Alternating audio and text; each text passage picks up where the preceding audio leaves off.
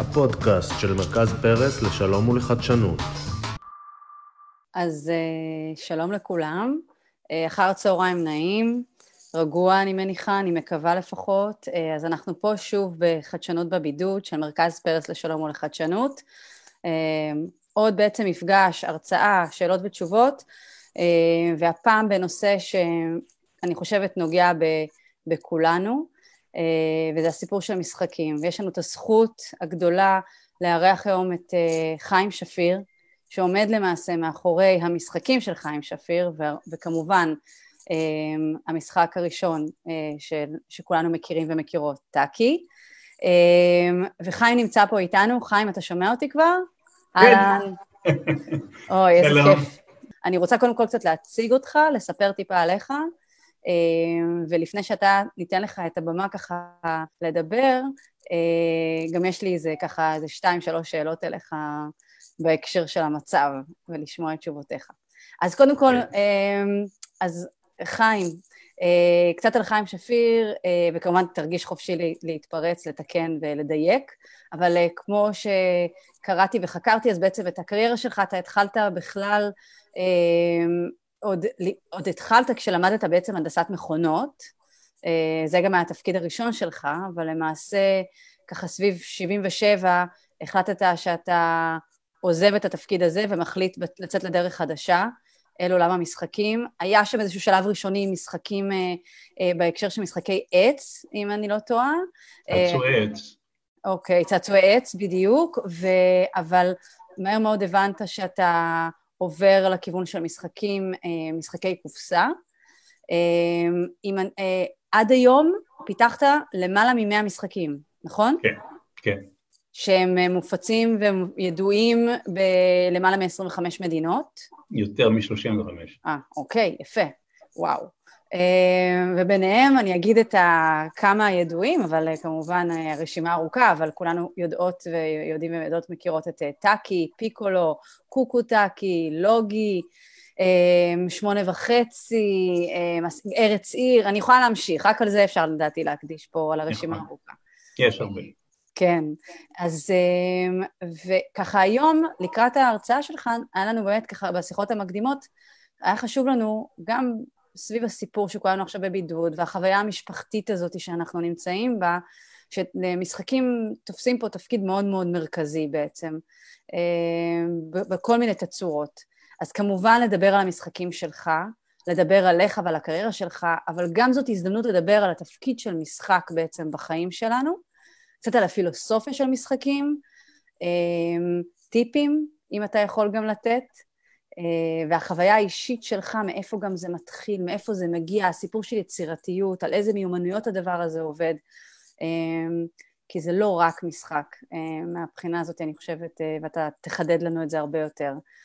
אז ככה זאת ההקדמה שלי, קצת ארוכה, אבל אני חושבת שמכניסה אותנו ככה לקונטקסט.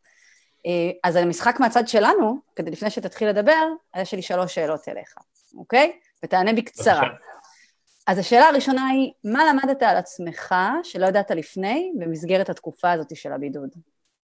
מה ידעת עצמי שמה? מה למדת על עצמך שלא ידעת לפני בתקופה הזאת של הבידוד? אה, לא למדתי משהו חדש, כי העיסוק שלי הוא כל הזמן בלנסות להתמודד עם מצבים לא ידועים ומצבים חדשים, כי כל מי שעוסק בפיתוח, הוא נמצא כל הזמן במה שנקרא Uncharted Territory, אתה כל הזמן צועד בדרך לא סלולה. אז דווקא מבחינתי, מעבר לבידוד והאי נוחות שלא פוגשים את המשפחה והנכדים והילדים וכן הלאה וכן הלאה, אה, הרבה לא השתנה, כי א', אה, אני עובד די בעבודה עצמית, זאת אומרת, אני עובד עם עצמי בסטודיו שלי, את יכולה לראות מאחורה. אה, אני ממשיך לעשות את זה, להפך, יש לי עכשיו יותר שקט לעשות את הדברים ש, שאני רוצה לעשות. הרבה לא השתנה, אבל גיליתי שאם כבר אפשר להגיד מה גיליתי, אז גיליתי שמשום מה, למרות שהעולם קצת נעצר, עדיין היום רץ נורא מהר, ואני לא יודע להסביר את התופעה האנומלית הזאת. שהזמן טס. הזמן כן. טס, הזמן כן, טס. מוזר נורא. כן, זה נכון. אה, והשאלה השנייה שלי, אה, מה גילית מחדש בבית שלך שבעצם אה, לא התעסקת בו לפני במסגרת תקופת הבידוד. גילית דברים חדשים, דברים שיש להם שימושים אחרים, או חזרת להשתמש במשהו בבית שלא השתמשת לפני. אני לומד להעריך את הגינה יותר מאי פעם. Mm. זה מה. מבינה אותך. כן. אה, ודבר אחרון, מה הדבר הראשון שתעשה כשתסיים את התקופה הזאת ונחזור כולנו לשגרה? אוי, אני אלך לחבק את הנכדים, את הנכדות. זה, אני חושב שאני מייצג פה כל כך הרבה סבים וסבתות. זה, זה מה שחסר. זה נכון, זה כל כך נכון. לחבק. לגמרי. אז, אה, אז אפרופו סבים וסבתות, אז גם אני מניחה שנדבר קצת היום גם על הקשר של משחקים בחיבור, בתפקיד שלהם, לחיבור הבין-דורי, כי אני חושבת שגם לזה יש מקום. נכון, נכון. אה, אז זהו, אז אני מעבירה את זה אליך. אנחנו ניפגש אה, בתום ההרצאה שלך, אנחנו בינתיים נאסוף שאלות מכם, צופים צופות, תכתבו את זה בתגובות, אנחנו נאסוף וננהל את השיחה הזאת אחרי שנשמע okay. אוקיי. ממך. תודה, חיים. אוקיי. Okay. טוב, אז אפשר להתחיל? אה, טוב, אני, אני נתבקשתי לדבר משהו כמו חצי שעה, גג 40 דקות, על קריירה של אה, המון שנים, למעלה מ-40 שנה, ואיך עושים דבר כזה, זה, זה, זה, זה כבר מלחיץ, כי, כי אני יושב באיזשהו סד של זמן די קצר לספר על כל כך הרבה דברים שבשבילי הם לב וליבה של, של הקריירה ושל החיים בכלל. אז אני אנסה לעשות את זה בצורה תמציתית, ואני מקווה שאני לא אחטיא דברים חשובים, או את החשובים ביותר. אה, אני אפתח בזה שאני אגיד שכולם מכירים את הדבר הזה, את המשחק אה, טאקי, ואני הולך לגלות פה משהו, אולי לא בפעם הראשונה, אבל לרוב האנשים שישמעו את זה עכשיו זה יהיה נורא מוזר, אבל אחת המחמאות המבאסות ביותר שאני יכול לקבל היום, זה כשמישהו אומר לי, אני נורא אוהב את המשחק שלך. והסיבה שזה קצת מבאס זה מה שנמצא בקיר מאחוריי, ובא לי נורא להראות לבן אדם הזה את התמונה של הקיר הזה ולהגיד לו איזה מהם. כי נכון שהטאקי זה המשחק הכי מפורסם שלי בארץ, אבל א', אני מוכר, אני פיתחתי עד היום למעלה מ-100 משחקים, הם נמכרים בעשרות ארצות, ואפילו טאקי הוא לא הנמכר ביותר בעולם מביניהם.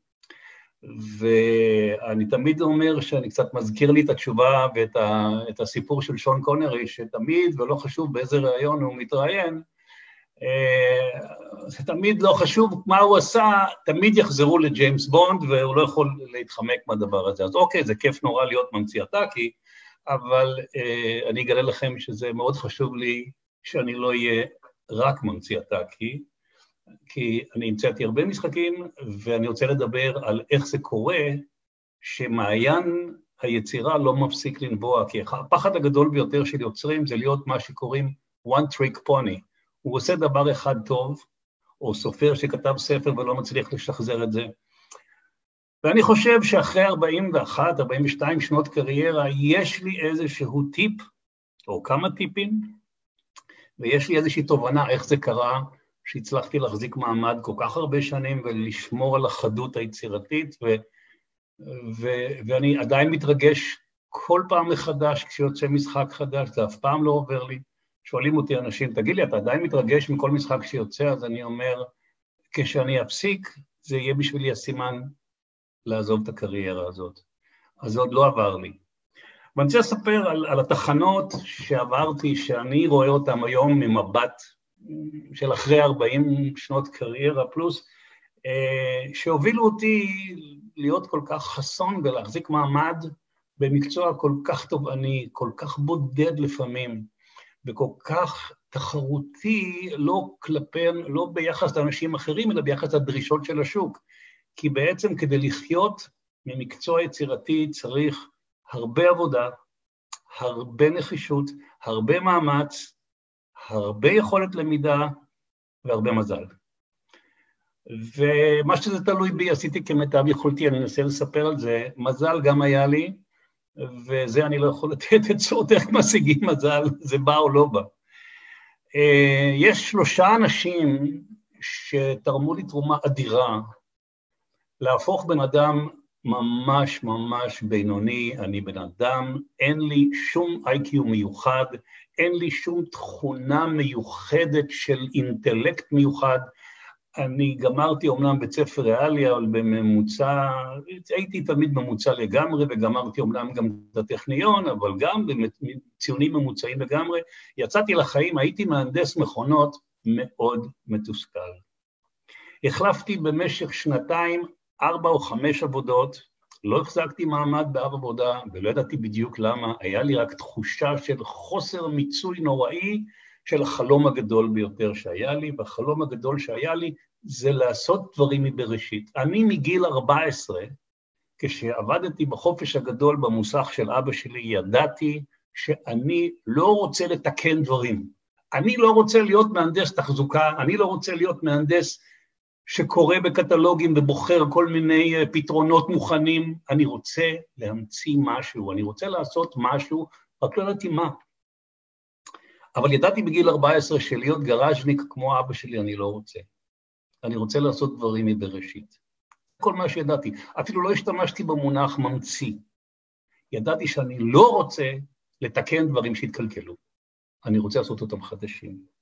בתור ילד, אם אני זוכר אחורה, אז נהגתי לפרק כמעט כל דבר, כל צעצוע שהיה לי כדי להבין איך הוא עובד. המורים נורא כעסו על זה, ואני אפילו לא ידעתי שזה בעצם הסקרנות, הסקרנות הזאת היא שהביאה אותי לאן שהגעתי היום. היום במבט לאחור אני רואה את זה. אבל האדם הראשון שמגיע לי המון המון תודה על לאן שהגעתי היום, זה אשתי, שרי.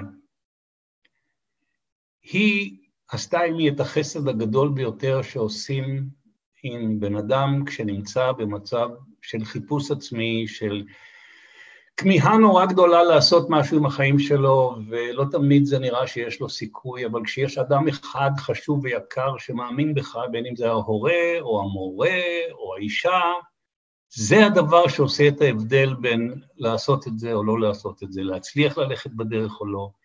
ואני זוכר את אותו יום שבו חזרתי הביתה מעבודה והתפטרתי ממקום עבודה הרביעי כי הוא היה פשוט נוראי בעבורי.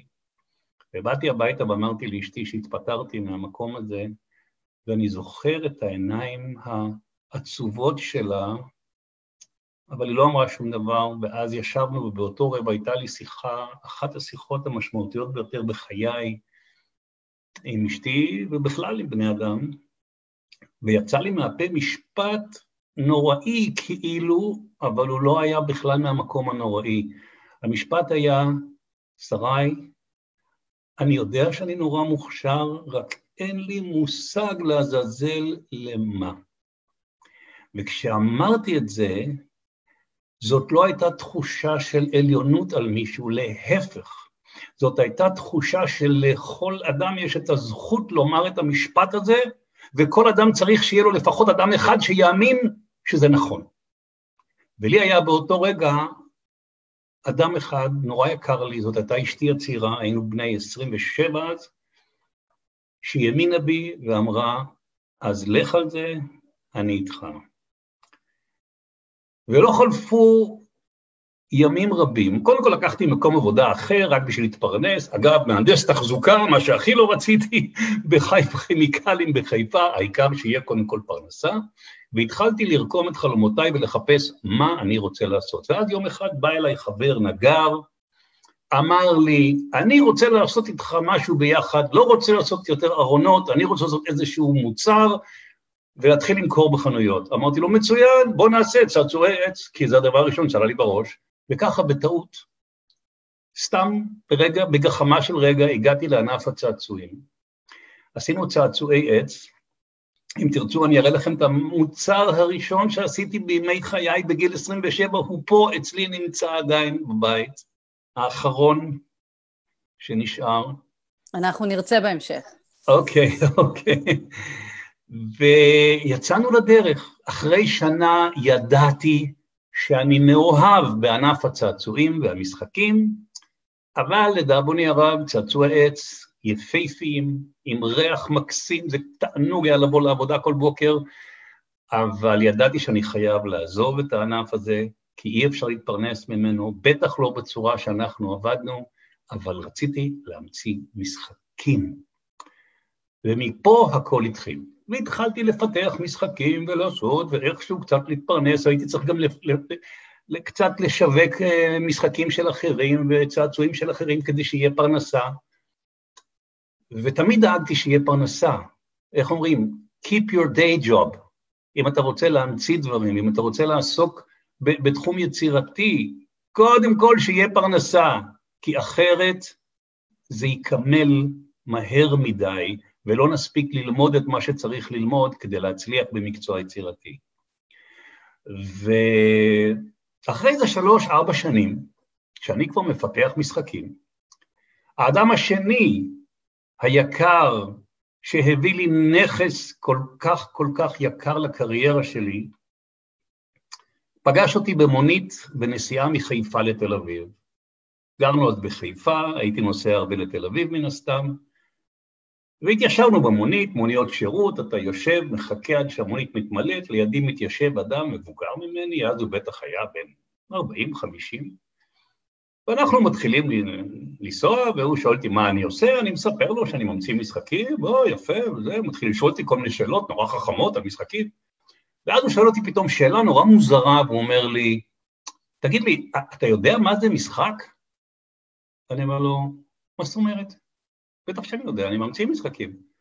הוא אומר לי, אבל אתה יודע מה זה משחק? אמרתי לו, איזה מין שאלה זאת? אני, אני הרי ממציא משחקים, מה, איזה מין שאלה זאת? הוא אומר לי, טוב, אז תגיד לי, מה זה משחק? אז אני מושיט את היד לתיק שלי ואני רוצה להוציא משחק.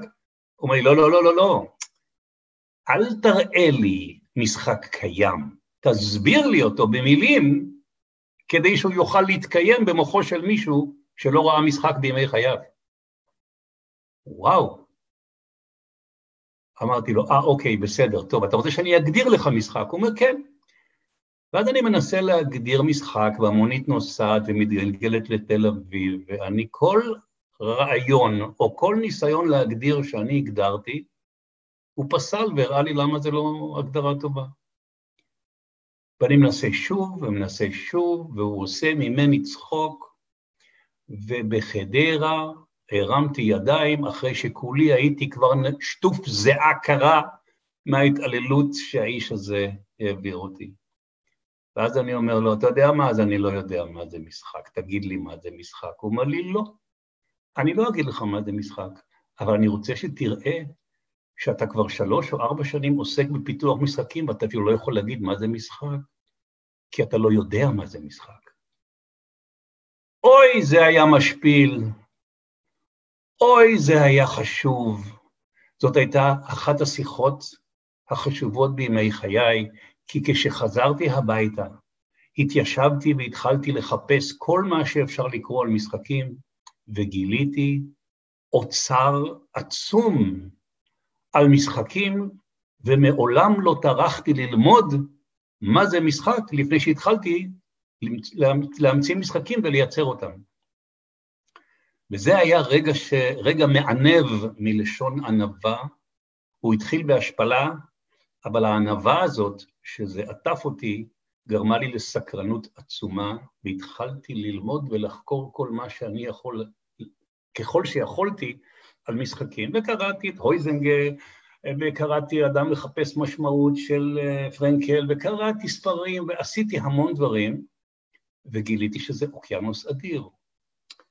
אבל גיליתי עוד דבר, גיליתי שאדם יכול להתנהל לאורך זמן מתוך אשליה שהוא יודע דבר מה, ולהסתמך עליו, ובעצם הוא לא יודע דבר.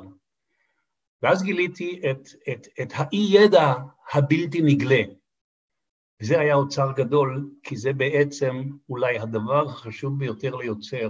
יוצר חי כל הזמן. אם הוא לא חי ככה, אז הוא לא יוצר. הוא חי כל הזמן עם הידיעה שהוא לא יודע מספיק, שמשהו מתהווה כל הזמן מול עיניו, ואם הוא חושב שהוא יודע, הוא לא יראה אותו.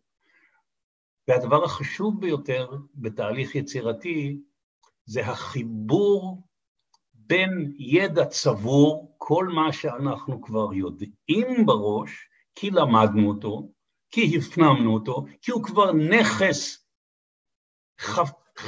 כמו חפץ שמונח כבר בתודעה שלנו, לעומתו יש המון ידע שעוד לא למדנו, וככל שאנחנו יודעים יותר, אנחנו מפסיקים, אנחנו מקשיבים פחות לידע המתהווה.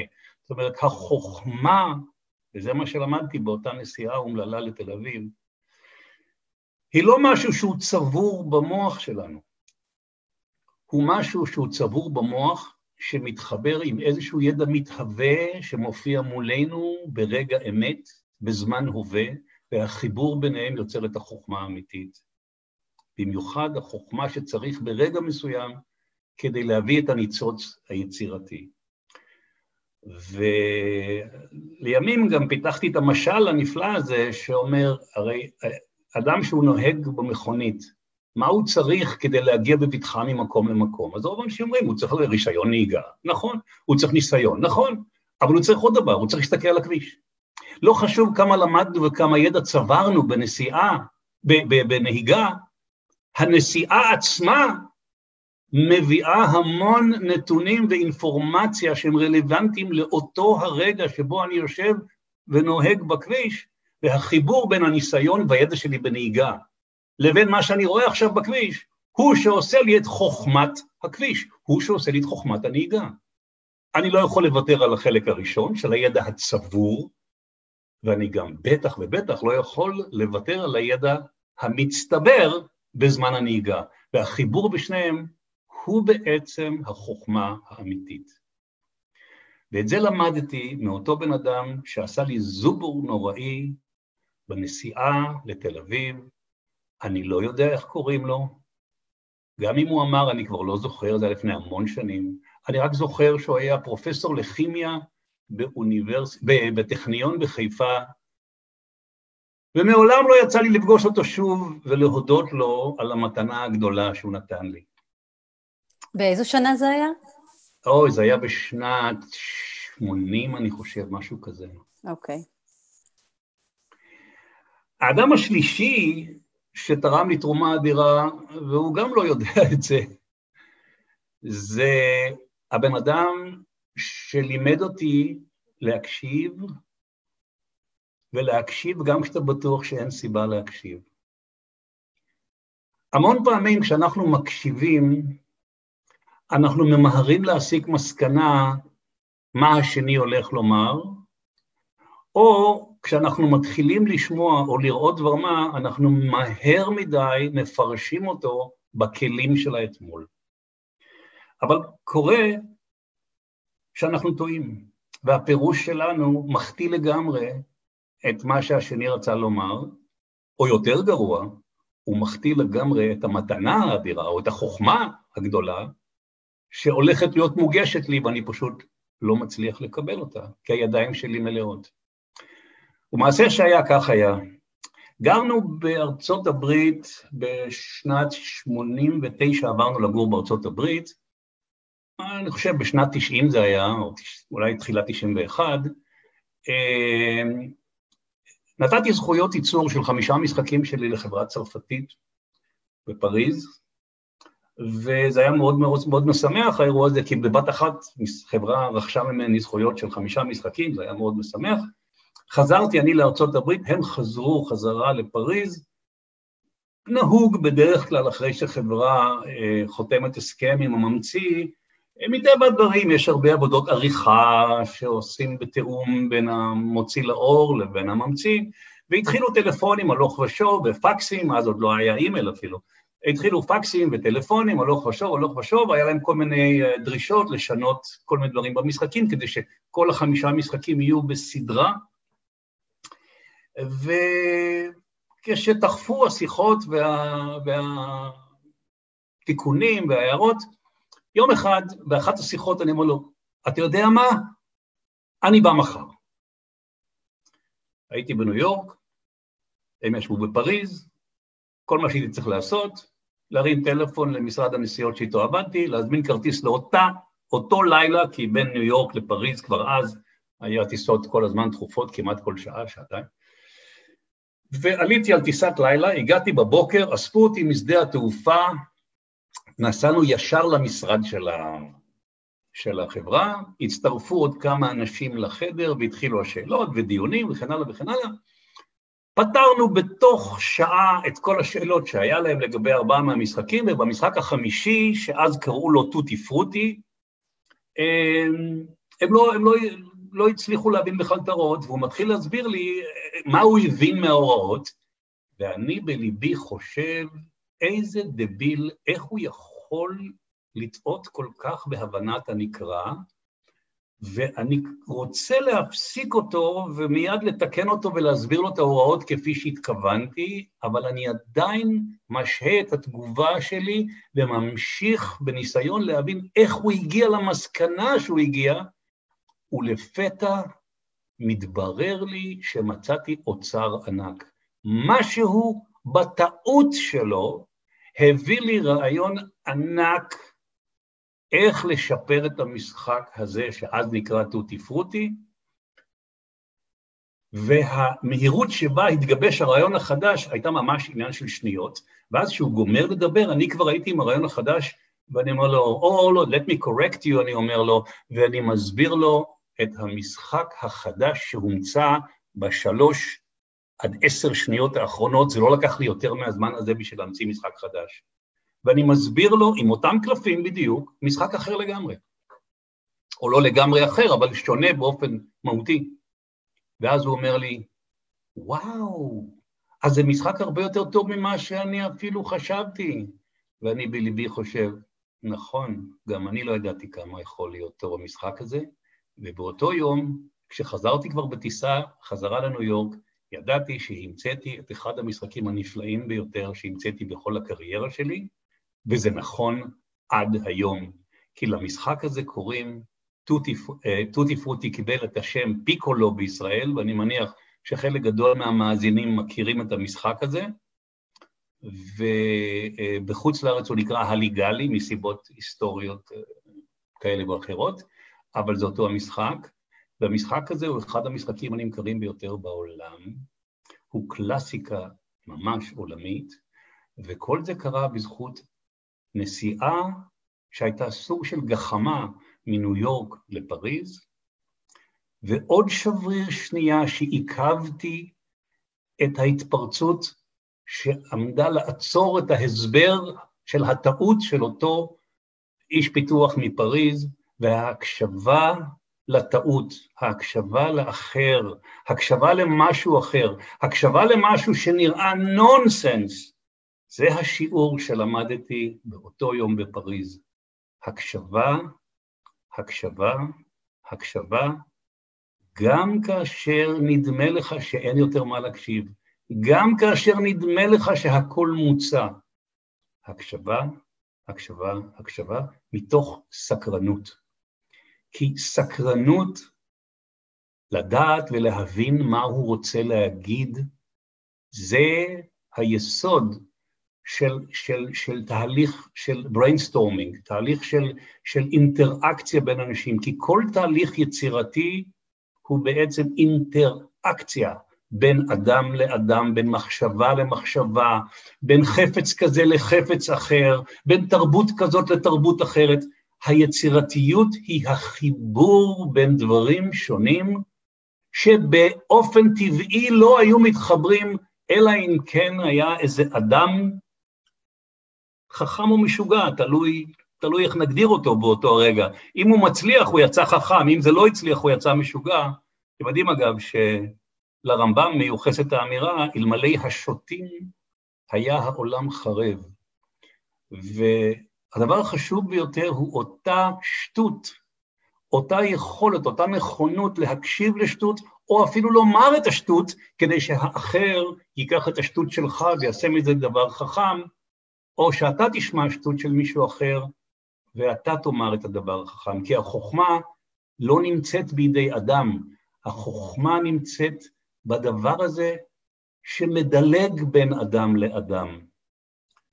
והיכולת לשחק את המשחק הזה של הדלוגים בין דבר לדבר ולאסוף את החלקים ולחבר אותם יחד, היא בעצם החוכמה היצירתית. ואני חושב ששלושת האנשים האלה, אה, אם אני מנסה לעשות איזשהו סדר בתהליכים שגרמו לי להיות יוצר שמצליח שנה אחרי שנה להביא המצאות חדשות ולשפר את אלה שכבר יצאו ועדיין יש מקום לשיפור, ולעולם לא לאבד את הסקרנות ואת החדווה של היצירה, אני חושב שלשלושת האנשים האלה הייתה תמורה עצומה, עצומה ל, ל, ל, למי שאני היום. ואני רוצה להזכיר את מה שאמרתי בפתיחה. אין לי שום תכונה מיוחדת מבחינה קוגנטיבית. אני בכלל, בכלל, אני כמעט יכול להגיד שיש כל כך הרבה דברים שאני לא טוב בהם, אבל אני, אם אני טוב במשהו, אני טוב ב, ביכולת ההתלבטות. אני, אתם יודעים, אני לפעמים אומר, אתם יודעים מה ההבדל בין מוח של ממציא למוח של אדם רגיל, אפילו מוכשר ככל שיהיה? היחס לבעיות. כשממציא נתקל, כשאדם רגיל נמצא בבעיה, הוא מחפש פתרון. וכשממציא נתקל בבעיה, הוא מחפש פתרונות ברבים. זאת אומרת, משהו מעצבן נורא יש במוחו של ממציא, שגם כשיש פתרון לבעיה, הוא לא ממהר להיפטר ממנה, כי הבעיה היא אתגר שמחייב לחשוב אחרת. וזה אולי העניין, לפעמים יוצא לנו לעבוד, אני אומר לנו, כי גם אה, אחד הבנים שלי עובד באופן אה, אינטנסיבי איתי, והוא אה, ניחן היום כבר באותה, באותה יכולת לא לרוץ ולחפש את הפתרון, אלא להתעסק עם הבעיה לאורך זמן, כי בדרך, בהתעסקות הזאת, אנחנו סופחים המון חוכמה, המון ידע, שיכול לשרת בצורה נפלאה או לא את הרעיון, או את המשחק, או את המוצר, או את העיצוב שעכשיו אנחנו עובדים עליו. היכולת לא להתנפל על הפתרון הראשון כדי להיפטר מהבעיה המטרידה. יש איזה מין משהו, אולי תקראו לו מזוכיסטי, אבל היכולת להחזיק אתגר ולא להיפטר ממנו, היא אולי התכונה החשובה ביותר, ולדעתי זאת תכונה נלמדת. וזה אולי הדבר החשוב שאני רוצה להגיד פה, היכולת לא להתבאס מזה שיש בעיה, היכולת לא לה, לה, לה, לה, להתעייף מלהתמודד עם בעיות, היא בעצם התשתית של העבודה היצירתית. מעבר לכישרון, מעבר לידע, מעבר ללמידה, מעבר לכל דברים, בלי התכונה הזאת ובלי סקרנות, אה, יוצר לא יחזיק מעמד. האתגרים הם גדולים מדי בשביל, אה, בקריירה מאוד ארוכה, ואם אין כמה תכונות אישיות שאתה יכול לטפח כדי להחזיק מעמד, לא נחזיק מעמד. זה מרתק, אני באמת רגע מתפרצת, כי זה היה עכשיו, החלק הזה היה, מהרגע שהתחלת לדבר, סופר מעניין. גם התגובות פה בינתיים מועדות ואומרות שזה בין ההרצאות המרתקות, מהנות, אה, אנשים פה מחכימים אה, אה, בעקבות התובנות שלך, ובטח אין, זה, זה, זה הכי הכי הכי הכי קל בעצם לשמוע ונעים לשמוע כשמישהו מדבר מתוך ניסיון, ויש לך המון ניסיון. אז, אז תודה, אני מתפרצת כדי להודות לך באמת רגע על השיתוף הזה, המאוד כן. תודה. ועכשיו, אם נשאר עוד קצת זמן, אני רוצה לדבר כן. קצת על, על הגישה שלי למשחקים בכלל. על, כן, על המשחקים שאני רוצה... עושה... סליחה? והייתה עוד שאלה אחת שבהקשר הזה, שמישהי שאלה פה, אני כן רוצה לשאול אותה עכשיו, איך אתה בכלל מגדיר משחק? מה זה או. משחק? אז זהו, אז אה, אחרי שביקשו ממני להגדיר משחק ולא הצלחתי, אה, הלכתי הביתה והתחלתי לחפש הגדרות של משחקים, וגיליתי שההגדרות שמצאתי אה, לא מתאימות לי, זאת אומרת, כאילו, היו, היו שם כמה ממש מטומטמות. אחת ההגדרות אמרה, זה פעילות של שני שחקנים או יותר. זה נורא מטומטם, למה שני שחקנים או יותר? כי, כי מה, אדם משחק עם פאזל אז הוא לא משחק? אה, זה, זה, זה דבר נורא, היום בכלל שרוב המשחקים הדיגיטליים זה משחקים של יחיד, אז זה, זה לא התאים לי, ועוד כל מיני הגדרות, ואז החלטתי שכנראה הגדרה זה לא, זה לא האמת, זה לא דבר עצמו, זה נקודת המבט שמאפשרת לראות דברים. והתחלתי לחפש את ההגדרות שלי, ומצאתי כמה הגדרות נפלאות, וכל הגדרה מביאה לי איזושהי תובנה אחרת, אבל בעיקר היא גם נותנת לי איזשהו גיידליין לעבודת הפיתוח שלי. ההגדרה הראשונה שאני אוהב מאוד אה, למשחק, היא הגדרה קצת שגורמת לרתיעה אצל הרבה אנשים, והיא משחק הוא פעילות שיש לה מטרה וחוקים. אז כשאני מביא את ההגדרה הזאת, קופצים אנשים ואומרים, זה לוקח בדרך כלל עשר שניות גג, בכל הרצאה שאני נותן את ההגדרה הזאת, אז מישהו קופץ, רגע, אבל uh, כמעט כל מה שאנחנו עושים בחיים יש לו מטרה וחוקים, נכון? מה, מנתח מוח, הולך, נכנס לחדר ניתוח, יש לו מטרה, יש פרוטוקול, יש חוקים, אז מה, אז הוא משחק? אז אני אומר ככה, קודם כל, זה שהרבה מאוד דברים בחיים אנחנו עושים, אנחנו לא קוראים לזה משחק, זה לא אומר שזה לא משחק לפי הגדרה. הבעיה הנוצרת היא איך מבדילים בין אותן פעילויות, כמו למשל אה, אה, מלחמה ומשחק, איך מבדילים בין פוליטיקה ומשחק, איך מבדילים בין מסחר ומשחק. אז ברור שאם ההגדרה הזאת היא נורא רחבה, צריך למצוא משהו שיבדיל בין משחקי החיים, מה שנקרא, לבין משחקים של פנאי, וכמובן גם לזה מצאתי את התשובה. והתשובה היא מאוד מאוד יפה ומאוד מאוד אה, מעוררת מחשבה.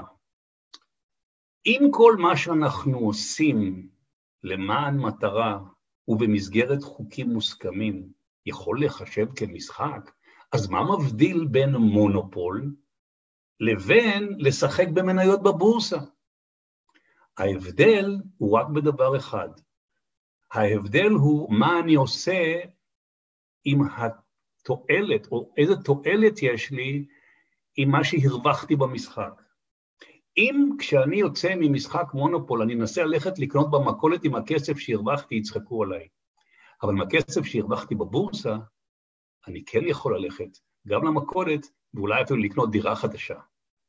זאת אומרת, ערכו של התוצר שאני מרוויח, או, לא עלינו, מפסיד במשחק, הוא קובע את היחס הסובייקטיבי של השחקן לפעילות המשחקית. הדוגמה הכי יפה זה שלפעמים הערך, מה שנקרא הערך המשתייר, מה שנשאר אחרי המשחק, הערך המשתייר של משחקי הגלדיאטורים ברומא היה נוראי, זה היה החיים של הגלדיאטור, ובכל זאת, אלה שישבו ביציע קראו לזה המשחקים, כי בשבילם זה היה משחק, כי החיים של הגלדיאטור לא היו חשובים ביניהם, אלא רק רוח המשחק, התחרות וההתרגשות וההתלהבות, כמו אצלנו היום במשחק כדורגל. זה עדיין משחק. בקיצור, ההגדרה הזאת נתנה לי את הכיוון למשחקים שאני מפתח היום. אם אני רוצה שאנשים ייהנו ממשחק והחוויה תהיה חוויה מקרבת ולא מרחיקה, אז אני צריך לדאוג ליצור את האנומליה הזאת, שמצד אחד, בזמן שאתה משחק, אתה נורא נורא רוצה לנצח, אבל אחרי שניצחת או הפסדת, הערך של הניצחון או של החוויה מתפוגג, כדי לא לפגוע באדם ששיחק, אלא רק בפרסונה ששיחקה בזמן המשחק. ומי ששיחק טאקי, ואני מניח שרוב המאזינים שיחקו טאקי, מכירים את החוויה הזאת. איך נאבקים על כל אבל כשנגמר הערב של המשחק, מי זוכר, מי ניצח, מי הפסיד, מי, מה זה חשוב. וככה אני דואג כמעט בכל המשחקים שלי, שלא יהיה שום ערך משתייר שמעכיר את אווירת היחסים, וזה בעצם הסוד הגדול של משחקים משפחתיים. כי אם אנחנו משחקים משחק שמשאיר איזה טעם מר למפסיד, מעבר לדרוש,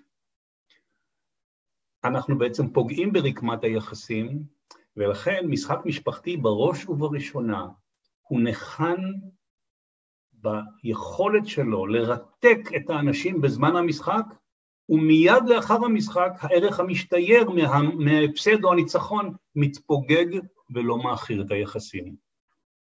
הערך השני של משחקים משפחתיים הוא שמשחק משפחתי מרתק גם את המבוגר וגם את הילד באותה מידה, וזה אתגר לא פשוט. מכיוון שאנחנו רוצים לאתגר מבוגר, אנחנו עלולים לעשות אה, אה, תסכול לילד, ומצד שני, אם ניתן משחק שמתאים רק לילד או לילדה, הוא יהיה משעמם עבור המבוגר. אני לא יכול להיכנס כמובן במסגרת הזמן הקצוב איך עושים את זה, אבל יש אין ספור שיטות, טריקים ו- ו- ורעיונות איך הופכים, איך יוצרים משחק שהוא מרתק כמעט בכל גיל, וזו עוד תכונה חשובה למשחק המשפחתי.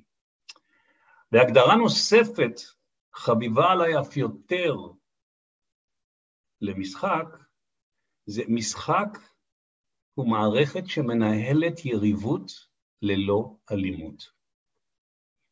משחק מנהל יריבות ללא אלימות. ואם אנחנו מסתכלים על ההגדרה הזאת, אנחנו מגלים כמה זה נכון, כי בעצם אנחנו מכריעים יריבויות במשחק באמצעות ציות לחוקים. ואחד החוקים הוא לא שוברים את הכלים, לא פועלים באלימות, והנזק שנגרם לשחקן בזמן המשחק איננו מתמשך מעבר לגבולותיו. ומזה הביא אותי לערך העצום של משחקי משפחה, כי בעצם כשהורים משחקים עם ילדים, הם מקרינים להם את החשיבות העצומה של ניהול יריבות ללא אלימות. כי ילדים שמשחקים עם ילדים, מהר מאוד קורה שם עימות, בין אם זה מילולי, או נעלבים, או כועסים, ולפעמים אפילו גם מכות. למה? כי הערך המשתייר, הרווח והתועלת שיש לילד שמשחק במשחק הכי נאיבי בגיל הילדות הוא עצום. זה האגו השברירי שלו שמחפש חיזוקים. אבל בוגר, שהאגו שלו כבר די בשל, מקרין על הילד שזה לא כזה אסון להפסיד. וגם כשמנצחים זה משמח, אבל זה לא משהו שיגרום להורה לרמוס בשחצנות את הילד המפסיד. וככה באמצעות דוגמה אישית, הורים מלמדים את ילדיהם להיות יריבים הוגנים ללא אלימות. וחברה שמשחקת הרבה, יש אולי סיכוי שתהיה פחות אלימה. וואו, אני רגע, אני חייבת להגיד שבעיקר לחלק האחרון, אני בטוחה שיש הרבה מאוד משפחות שמזדהות עם הסיטואציה הזאת. ההתמודדות עם לחנך את הדור הצעיר, איך להפסיד, ול... ומה זה אומר לנצח, ו... כי זה אתגר, כי נכון. כולנו משחקים, ואני, בחוויה האישית שלי, של ילדה בת ארבע וחצי, ובאמת, כרגע תבוסה או הפסד, היא חווה את זה בצורה כך קשה, אבל uh, בסוף זה חינוך, זה גם באמת, זה, זה לפתח מיומנויות חיים, זה בדיוק הדברים שדיברת עליהם. התפקיד של זה כל כך חשוב. Uh, ואנחנו זוכים לזה עכשיו, למין אינקובציה של הדבר הזה בתוך, בתקופת הבידוד, לתהליכים, לתהליכים האלה, והרבה בזכות המשחקים. כן. לגמרי. אז חיים, אה, אני, פשוט מצטברות פה המון שאלות, אז אני נו, רוצה... נשמע.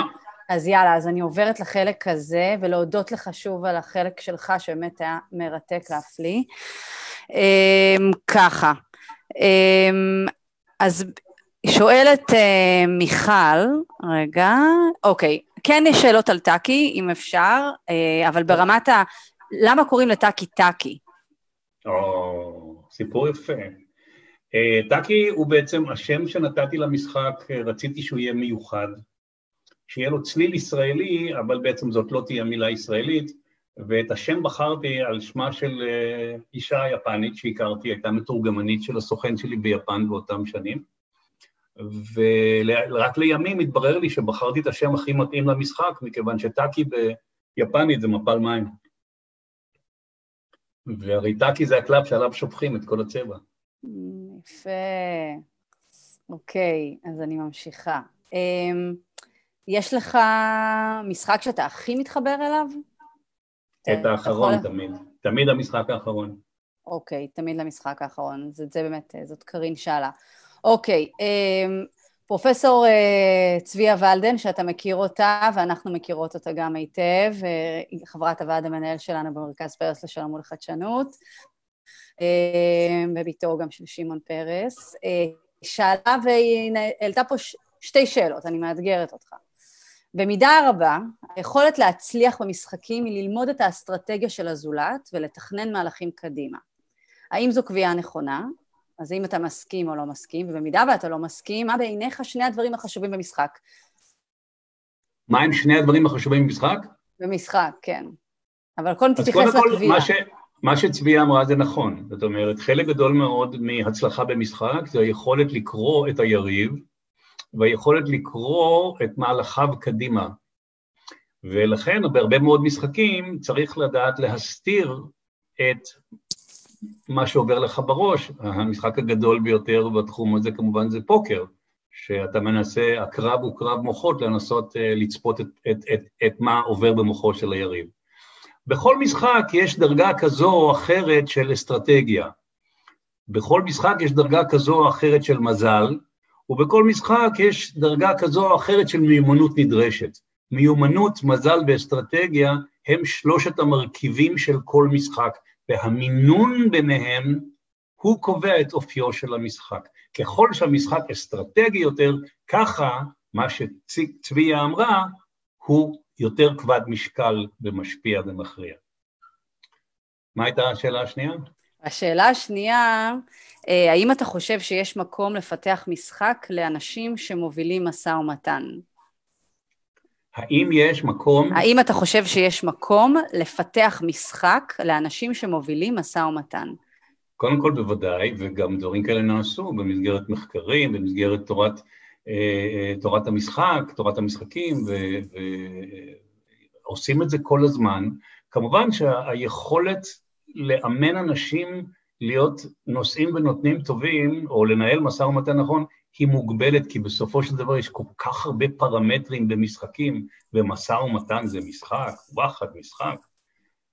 ה-unknown, הבלתי צפוי, הוא תמיד מרכיב מרכזי בכל הדברים האלה. לכן כל ידע שנצבר הוא חלקי והוא אף פעם לא מספיק.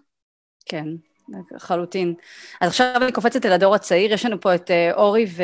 את אורי וגילי, הם בני 11, ושואלים, איך חשבת על הרעיון להמציא את הטאקי? אז אף פעם, יוצרים שנשאלים את השאלה הזאת, אין להם ממש תשובה. זה כאילו, כאילו שהרעיון בא מאיזשהו מקום. אני חושב שרעיונות יותר מתגבשים לא כמו גשם שיורד או מעיין שנובע, אלא כמו טל שמתגבש על העלים בבוקר. זאת אומרת, יש איזה מין מצב נפשי מסוים שבו מתגבשות, מתגבשים הדברים. אצלי זה בדרך כלל קורה או בשיחות עם אנשים, או בשיחה עם עצמי מוקדם בבוקר כשאני מתעורר, אבל עוד לא לגמרי ער.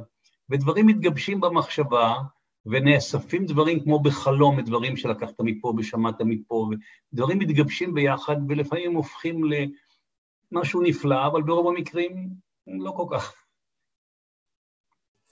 אז אה, אוקיי, וגם אה, בהקשר של גם הדור הצעיר אה, שואלת מרינה, רציתי לשאול האם לדעתך משחקי קופסה עדיין רלוונטיים, אם אנחנו מדברים פה על העידן הדיגיטלי, מסכים, האם אתה והבן שלך כבר מתאימים את המשחקים הבאים שלכם לעידן הזה? אה, אני רוצה להגיד משהו, השאלה הזאת אני נשאל כמעט תמיד בכל הרצאה שלי, והתשובה שלי היא פסקנית באופן נחרץ. לעולם מקומם של משחקי הקופסה לא ייעלם מסיבה מאוד מאוד פשוטה. כשאנחנו משחקים משחק מחשב, אנחנו משחקים מול מכונה. משוכללת ככל שתהיה, גם אם בצד השני יש בן אדם, עדיין הוא לא נמצא איתי ממש במלוא מובן המילה, ואנחנו היום בבידוד של הקורונה מבינים את זה. אנחנו צריכים את כל החושים שלנו ביחד לעבוד, שיעבדו עבורנו ביחד במפגש האנושי. משחקי קופסה מעניקים את המפגש השלם המלא, ומשחקי מחשב אומנם מאוד מגרים אותנו, יש להם המון כוח, יש להם המון גירויים חריפים וחזקים, אבל הם לא ייתנו את הדבר האנושי המקסים הזה שנקרא עדות.